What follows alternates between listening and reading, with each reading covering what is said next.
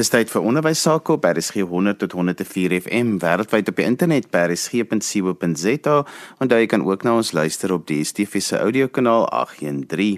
Ons gesels vandag in ons in die onderwys oor die UNESCO leerstoelprogram, 'n baie interessante program en by die Noordwes Universiteit bekleë professor Jaco Olivier hierdie posisie. Jaco, kom ons begin sommer dadelik. Wat behels die UNESCO leerstoelprogram? Nou ja, die UNESCO Unitwin leerskoolprogram kom al van die 1990s af en dit behels netwerke van akademici van reg rondom die wêreld. En vir die Noordwes Universiteit en die Navorsingseenheid selfgerigte leer, is dit 'n groot voorreg om deel van hierdie program te wees en een van hierdie leerskole te kan huisves. Die leerskool is natuurlik nie 'n persoon nie, dit is die idee is dat dit 'n groep mense is wat saamwerk oor 'n een onderwerp of 'n gesamentlike fokus. Wêreldwyd is daar so 830 van hierdie leerstoele en nog net 14 daarvan is aan Suid-Afrikaanse instellings toegeken waarvan nie almal van hulle steeds uh, aan die gang is nie. Die doel van hierdie leerstoele is om tussen universiteite mee te bring, veral noord-suid tussen die noordelike halfrond en die suidelike halfrond, maar ook dan uiteindelik om die Verenigde Nasies se volhoubare ontwikkelingsdoelwitte na te streef.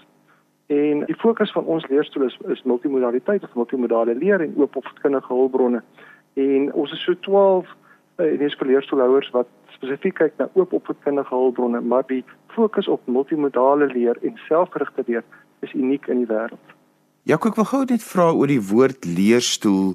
Hoekom is hierdie spesifieke woord gekies vir die naam vir so 'n program? Kyk, dit is maar soos enige navorsingsleerstoel. Dit is 'n algemene ding by universiteite om dan rondom 'n bepaalde tema of 'n vakgebied 'n posisie te skep waar iemand dan navorsing om hom of haar dan saambring. So ook is daar byvoorbeeld van die regering se kant af die sogenaamde SACHI leerstoele en dit is redelik algemeen al die universiteite in die land het dit. En dan kry mens dikwels ook 'n uh, uh, leerstoele wat gekoppel is aan 'n organisasie of aan 'n besigheid of so aan ons byvoorbeeld die wêreldhandelsorganisasie leerstoel by die NBI ook en dan natuurlik die UNESCO ene. UNESCO se leerstoel is bietjie anders as die tipiese regeringsleerstoele omdat dit nie met regeringsgeld befonds word of iets soos dit nie. Dit is meer 'n uh, 'n 'n netwerkskepingsmeganisme en dit erken die werk wat ons uh, binne die universiteit gedoen het. Die NWI se geval byvoorbeeld um, was juis omdat ons reeds die kundigheid rondom multimodale leer, dis nou met afstandsonderrig en met e-leer en vervlegte leer uh, by die instansie gehad het, is ons daardeur beloon om leerstoel uiteindelik te kry. So dit is in kort maar 'n navorsingsposisie gewoonlik. Jakob by die Noordwes Universiteit se leerstoel fokus julle juis op multimodale leer soos jy nou gesê het en op en oop opvoedkundige hulpbronne. Wat is dit presies? Ja, die multimodale leer is 'n sambreelterm vir leer deur middel van verskillende modusse. Nou vir ons lê dit op vier vlakke en ek gaan hulle uh, probeer so eenvoudig as moontlik op verduidelik. Ek praat van die vier I's: die individuele, interaksionele, instruksionele en institusionele multimodaliteit. Eenvoudiger gestel die individuele vlak, daar erken ons dat ten einde selfgerigte leerders te word, moet leerders verantwoordelikheid neem om self te kies watter modus hulle geskik is om te leer. Hier gaan dit nou oor die voorkeur vir lees, luister, skryf of doen. Onlangs 'n navorsing deur McGovern en en van sy kollegas toon dat leerders effektiewer leer as hulle kan kies watter sintuig om te gebruik.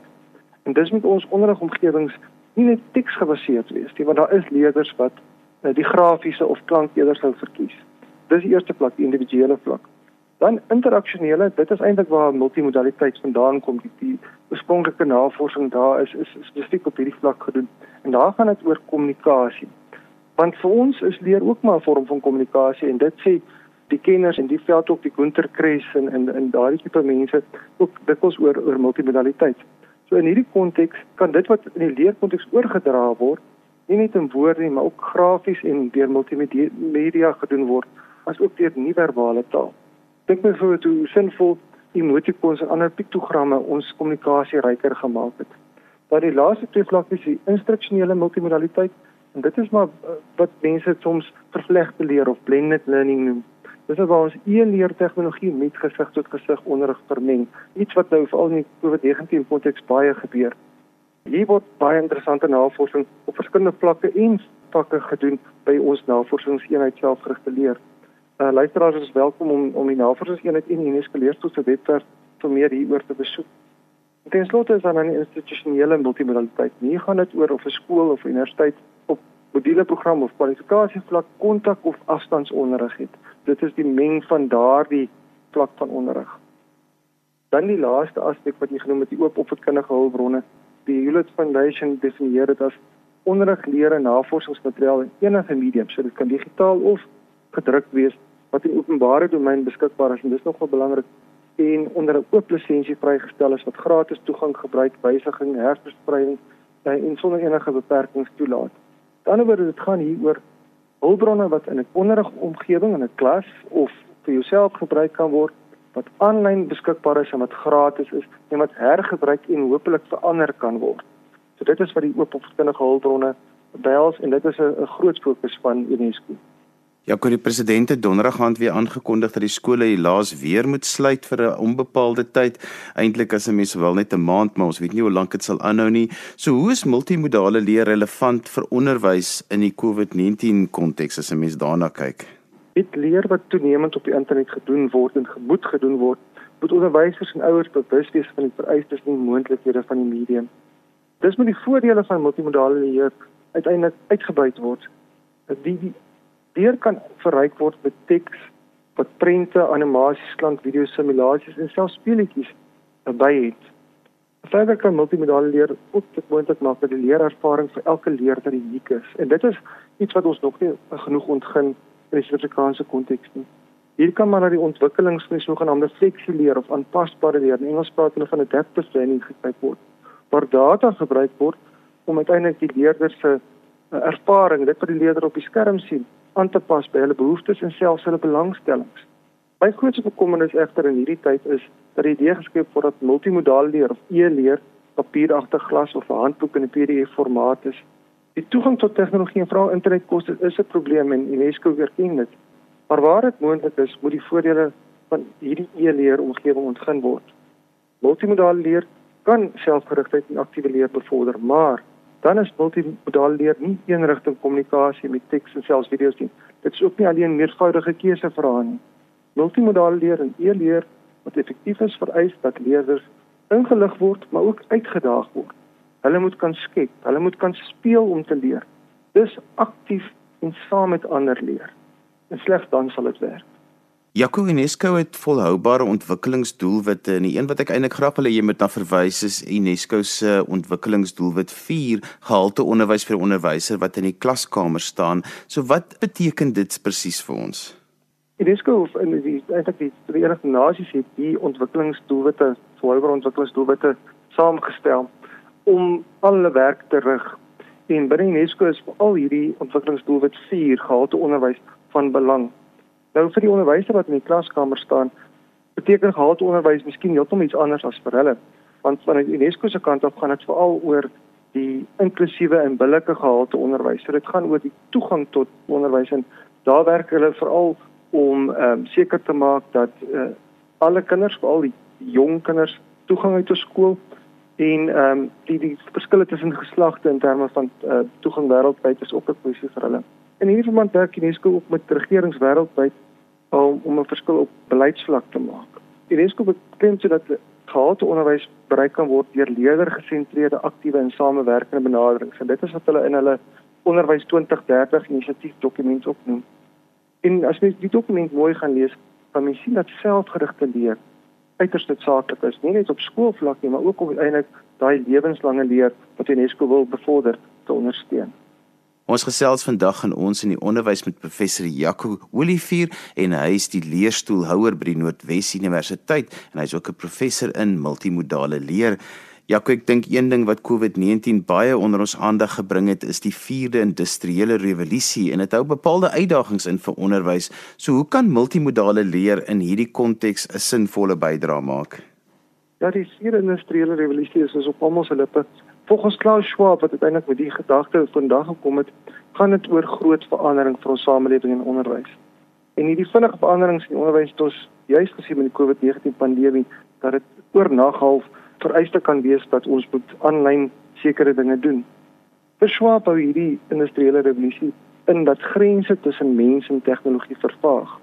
Hy verwys na die toenemende integrasie van tegnologie en dat ons uiteindelik nie die, die verskil gaan sien tussen die fisiese, digitale of biologiese nie.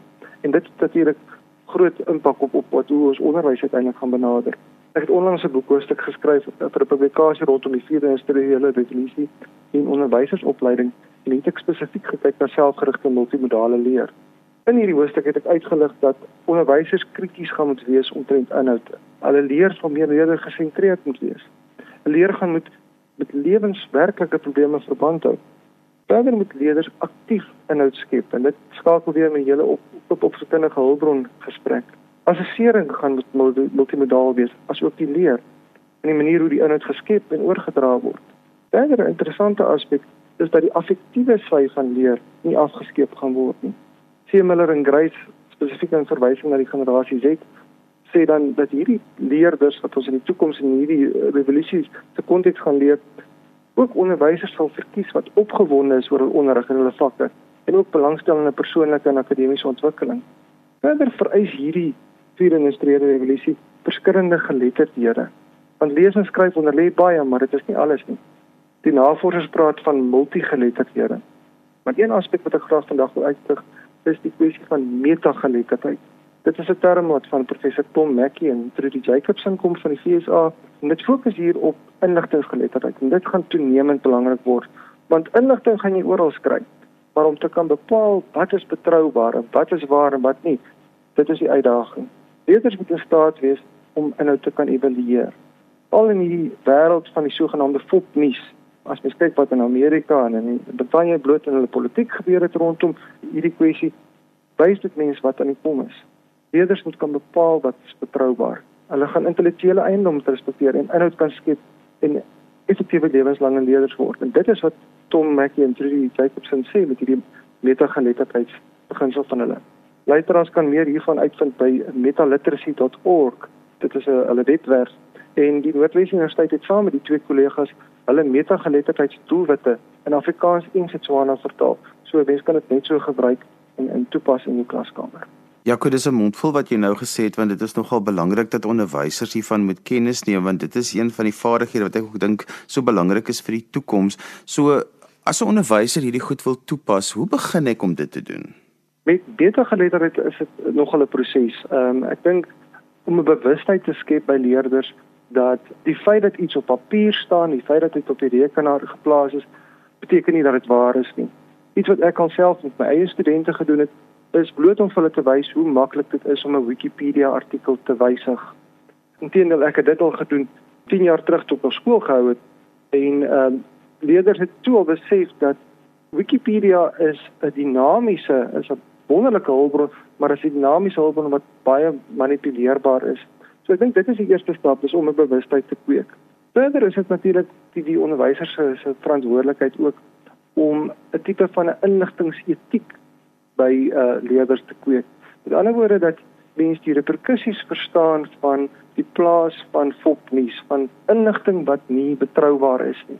Verder is dit, dit miskien ook uh, sinvol om terug te gaan na dit wat die ou skoolbibliotekaris vir vir ehm uh, leerders geleer het van as jy 'n uh, opdrag sou doen, kyk na meer as een bron. Dis eenvoudig soos dit. Moenie net op een bron staat maak nie, maar konsulteer wyeer. En ek dink dit is uiteindelik hierdie tipe uh, tipiese inligtinggeletterdheidsstrategie wat vir onderwysers sinvol kan wees en ek dink die belangrikste is om dit nie te los vir een persoon om te doen nie maar dit weet oor al die vakke heen gedoen moet word dat ons 'n bewustheid kweek dat inligting is nie 'n vaste ding nie daar is dikwels meer as een perspektief dis iets wat ons in die akademie baie doen ons vra vra ons sê krities na sake maar ek dink uiteindelik kom dit by kritiese denke uit dit kom by daai metakognitiewe bewustheid wat mense by leerders moet kweek. En soos ek sê, dit dit vereis heel baie dinge, maar ek dink prakties begin by bewustheid en dan ook uiteindelik om die skep van 'n etiek rondom die plaas van inhoud aanlyn. Ja, kyk, ek is so bly ons kom uit by metageletterdheid want dit is so belangrik. Ek selfs ons hier by RSG as ons kundiges kry, hoeveel moeite ons doen om seker te maak dat die kundiges wat ons gebruik en dat ons hulle verifieer en seker maak dat hulle wel die kwalifikasies het en dat hulle ook dan uh, met gesag in hulle veld kan praat. So dis belangrik om dit te kontroleer, maar wat altyd vir my so moeilik is is die hoe oorweldigend dit is die hoeveelheid bronne, watse bronne en hoe mense hierdie bronne regtig kan hanteer om te sê maar die bron praat met gesag. So dit bly 'n oorweldigende eh, en amper 'n intimiderende omgewing as 'n mens begin goed kontroleer. Ja, dit definitief en die ehm um, groot probleem wat mens daarmee het is dat nie net kom die skrywers van die oorspronklike teks met 'n agenda nie, jy wat inligting soek kom ook met 'n agenda. So mense is nogal ook geneig om sekere bronne bo ander te kies. Maar dit is uiteindelik waar mense uit die wetenskap wel kan leer dat 'n goeie akademiese argument is 'n gebalanseerde argument. Ek dink dieselfde gaan wees met met die kies van enige inhoud of dit is bloot vir 'n klas of of uh, bloot enige uh, ander uh, gebruik van van inligting. Is dat mens daardie balans sal hê. Baie selde is daar net een benadering tot 'n konsep of 'n oogpunt of 'n mening oor iets. Dis sal mens uh, uiteindelik krities te werk gaan gaan om te vergelyk en uh, te kies. En ek, ek stem saam met jou die die grootste probleem wat baie van ons uh, nie net leerders en studente het maar baie onderwysers het daar is so baie aanlyn beskikbaar veral in Engels dat uh, mens mooi gaan moet kyk. Mens gaan kyk na die kwaliteit maar ook die korrektheid en dit uiteindelik moet verifieer Ja, in November 2019 het die UNESCO Algemene Konferensie die Recommendation on Open Educational Resources goedgekeur en jy was deel van die proses van die OER Dynamic Coalition wat hierdie voorstelle moes laat realiseer. So wat implikasies het dit vir onderwys? Hierdie skakel natuurlik goed met die hele kwessie van metageletterdheid ook, want as dit kom by oop opvoedkundige hulpbronne, gaan dit juis oor om te kan kies dit wat wat effektief is Maar van UNESCO se kant af het die uh regerings uh wat deel is van hierdie organisasie uh aan einde van dit verlede jaar hierdie voorstel of recommendation on open educational resources goedgekeur. En hiervolgens het hulle besluit om oop opvoedkundige hulpbronne in terme van kapasiteitsbou, beleide, inklusiwiteit en billikheid uh, deur al die lidlande te bevorder. Vir my is veral interessant die, die kwessie van inklusiwiteit waar hulle gaan die gebruik van opvoedkundige hulpbronne in ander tale as net Engels en die groter wêreldtale bevorder. Verder kyk hulle ook veral na die internasionale samewerking. So van 22 tot 24 Julie vanjaar is daar werksgroepe oor hierdie sake besin en ek was deel daarvan en dit was fascinerend om te sien hoe ander lande ook maar dieselfde probleme as ons het. Ek dink veral die opvoedkundige hulpbronne in Afrikaans en Afrika tale het vir ons moontlikhede in Suid-Afrika. Dit is duidelik dat hierdie kwessie rondom minderheidstale ook in ander lande 'n probleem is as dit kom by hulpbronne in onderwys. Maar in Suid-Afrika staan ons nie terug nie. Ek moet wel sê die werk van OER Africa wat 'n organisasie is wat vanuit Suid-Afrika uit dit baie goed geprofileer by hierdie gesprekke. En dan kan mens ook nie die werk wat die Universiteit van Kaapstad en Rhodes en Nelson Mandela Universiteit en nou ook die Noordwes Universiteit doen rondom oop of kundige hulpbronne ignoreer nie. Dit wys dat die wêreldkenners ook hier in Suid-Afrika sit. Maar uiteindelik vir my is hierdie hulpbronne en dit is wat ook uit die gesprekke duidelik was, nie alleen genoeg nie.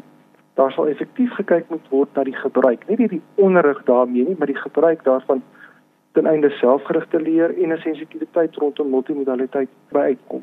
Jaco, toe jy nou die leerstoel houer geword het van die UNESCO leerstoelprogram by die Noordwes Universiteit, wat was die persoonlike doelwitte wat jy vir jouself gestel het binne hierdie program? In hierdie program my gaan dit oor drie sake. En dit is my persoonlike doelwitte en uiteindelik raak dit die doelwitte wat ons vir UNESCO um, beloof het. En dit gaan ten eerste vir my oor uh, die bewusmaking. In Engels praat ons van die advocacy So die bewusmaking rondom hierdie kwessies in onderrig ten einde en ek praat spesifiek van multimodaliteit en oop of verkundige hulpbronne ten einde selfgerigtheid te bevorder. Tweedens gaan dit vir my oor die navorsing wat ons doen. Ek dink in Suid-Afrika is dit nog meer nodig as in die verlede om besluite rondom dit wat in die klaskamer gebeur, dit wat op beleidsvlak gebeur, te baseer op navorsing. So daar is in diepte navorsing, diepgaande navorsing nodig om uiteindelik besluite bloot op klasvlak in te lig. En tenslotte het ek in die leerstoel 'n uh, opleidingsdoelwit. En hier is ons reeds besig met die NOMSA netwerk soos ons dit noem, Network of Open Educational Resources Self-Directed Multimodal Learning in Southern Africa. Maar ons spesifiek na Suid-Afrikaanse lande kyk en luisteraars kan gerus gaan loer by die webwerf nomsa.org oor hoe ons hiermee werk. Maar die punt is daar een van ons eerste take daar is om opleiding in die Suid-Afrikaanse lande vir onderwysers en dosente beskikbaar te stel. En daar is klaar twee kursusse gelys, gelys op hierdie webwerf wat kyk na digitale geletterdheid en dan oop opvoedkundige hulpbronne. Die kursus van oop opvoedkundige hulpbronne is van die Commonwealth of Learning wat 'n uitsonderlike organisasie is en dis dis oop en gratis kursusse wat mens 'n inleiding gee tot hierdie wêreld en tot dit wat nodig is in die onderwys. So vir my kan mens dit opsom as die, die bewusmaking, die navorsing en die opleiding. En ehm um, persoonlik moet ek sê dit is dis regtig 'n 'n wonderlike ervaring om met veral die kenners van ander lande, die UNESCO leerstoelhouers te doen te kry en dat ons mekaar se kundigheid kan deel en daar is regtig interessante navorsing op pad in die Suid-Afrikaanse konteks rakende multimodaliteit, selfgerigtheid en oop opvoedkundige hulpbronne. En so gesels professor Jaco Olivier en hy is tans die leerstoelhouer van die leerstoelprogram by die Noordwes Universiteit. Onthou jy kan weer na vandag se program luister as 'n potgooi, laai dit af by resgep.co.za. daarmee groet ek dan vir vandag tot volgende week van my Johan van Lille. Totsiens.